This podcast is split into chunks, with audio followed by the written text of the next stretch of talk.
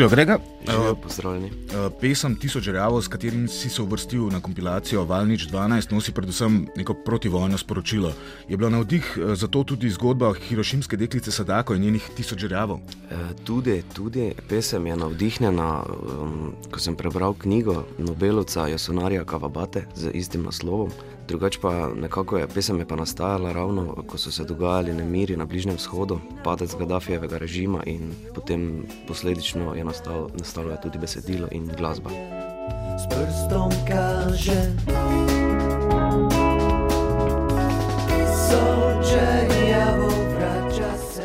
Čeprav ima pesem Tisoč žrjavov veliko elektronskih primesi, si bil pravzaprav dolga leta v prvi vrsti kitarist. Uh, nekaj časa si glasbeno znanje izpopolnjeval tudi pod mentorstvom znanega makedonskega kitarista Vladka Stefanovskega. Kakšna je bila ta izkušnja? Kaj ti je od tega vajnega druženja najbolj ostalo v spominu? Uh, izkušnja je bila čudovita. Imel sem priložnost uh, sodelovati z njim na glasbeni delavnici Jazzinti, ki se je dogajala v Novem mestu. On je bil potem teden dni moj mentor. Najbolj mi je ostalo v spominu, oziroma kar eh, obelodanjeno na papirju, ko mi je napisal na, na zaključno potrdilo, oziroma spričevalo, grega, ko je puno pita. Kaj, kakšno vprašanje si imel, večinoma tehnične narave? Eh, takrat, takrat, ker je bilo mogoče tako, to nazaj v, v, v tistem času, ko sem se izpopolnjeval, ko sem požiral znanje, so bila seveda tehnične narave, nekaj pa je bilo tudi čisto vezano na filozofijo, na njegovo dojemanje, percepcijo, seveda na njegove glasbene vplive, debate o skupini The Who, ki jo sam tudi cenim, tako kot on.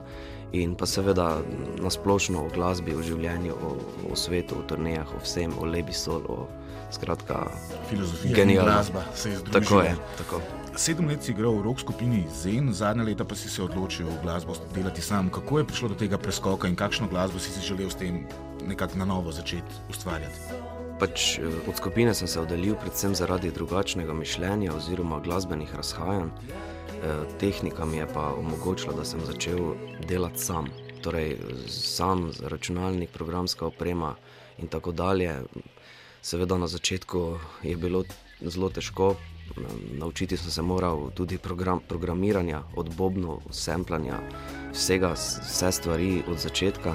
Tako da eh, malo sem zanemaral to izpopolnjevanje in igranje kitare, ampak eh, je pa zelo koristno, ker sem spoznal nove dimenzije eh, glasbenega ustvarjanja. Konec leta 2011 se je ta tvoj solo projekt nekako razširil v neko štiričlansko zasedbo. Kako v tem trenutku poteka tvoje ustvarjanje? Si še vedno bolj samostojni izvajalec ali zdaj te tvoje pesmi izvajate že kot skupina? Tako pesmi preigravamo kot skupina, zdaj odločam se še. Uh, kakšni postavi, odločamo se še, kdo bo prevzel kakšen, kak, kak del ustvarjanja. Um, drugače pa končujem um, tale, v narekovajih, eh, album, svoj, svoj projekt, eh, ki bo, ki bo imel deset pesmi. Predvidevam, da ga bom izdal samo založbi, kakorkoli, mi je v bistvu čisto vseeno. Rad pa bi, zaradi vplivov, ki so me, ki so me zaznamovali, izdal to tudi na LP-ju, torej na vinilki. Dogovorjeno je sodelovanje tudi z, z ostalimi umetniki, oziroma sodeloval bom z akademskim slikarjem Mito Gigičem, ki bo mi eh, naredil art ja. Eh, ki bo mi naredil kaver, ki bomo skupaj bova začela pač eh, ta napad ali kakorkoli. Ste pa zelo konceptualno, očitno, zastavljeni, če bo na vinilu in z neko posebno tako, umetniško podobo. Tako, tako. To, tole, tole si želim, tole, si, tole sem si začrtal, mm, tole mi je zdaj trenutno. Največji izziv. Kako ocenjuješ ostale skladbe na kompilaciji Valnič 12 in katera zakaj ti je najljubša? Ja, uh, všeč mi je, pred, predvidevam, da so skladbe, tako kot moja, nastajale, nastale malo prej. Ampak všeč mi je ta zametek revolucionarne miselnosti, ki se čuti na plošči. Plošča je tako lepo vzetek aktualnega, mogoče politično-socialnega dogajanja v Sloveniji in tudi v tujini. Z tehničnega vidika bi izpostavil zelo dobre posnetke. Oziroma, zelo, so tehnično kvalitetno se da tole že posnet tudi v domačem studiu. E, mogoče sem pričakoval več ženskih vokalov, mogoče kak ženski bend, mogoče pa pri, pogrešam malo to raznolikost in eh, eksperimentalni pristop v glasbi, glede na generalno ali pa mogoče mešanje stilov, zvrsti, neki ino, inovativni pristopi. najbolj všečen, všečna pesem mi je pa od izvajalca House Mouse. Ne?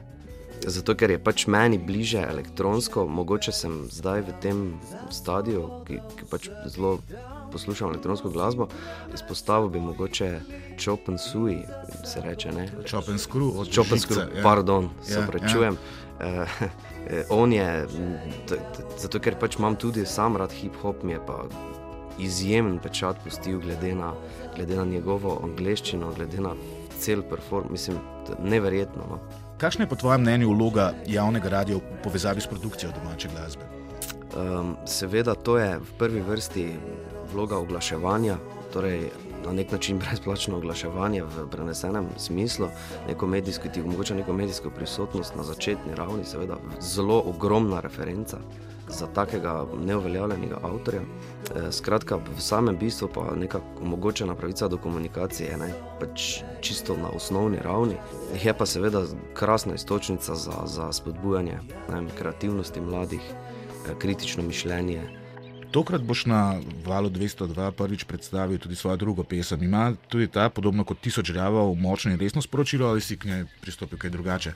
Tale skladba je mogoče šaljivo, hudomušno, ljubezenske narave. Torej, malce drugače. Kot... Malce drugače, tako. Naslov pa je. Naslov je pa M, latin. Latin zato, ker je začetek te skladbe, oziroma v začetnih fazah, je, je bosa nova stil, ampak vse boste slišali, skladba je daleč od tega, je elektronska. En pa zato, ker je, ker je pač uh, simbolizira eno, eno začetno inicijalko imena enega znanega slovenskega režiserja, s katerim sem sodeloval pri enem drugem projektu in me je on tudi na nek način inspiriral. Ni uh, ljubezensko v smislu do njega, ampak um, ljubezensko je v smislu do. Eh, tega, te, te vrste dela, s katerim se on ukvarja. Je, ker vse pa je besedilo je zelo jasno in razumljivo, tako da ni, ni um, velike skrivnosti. Ni skrivnosti tako.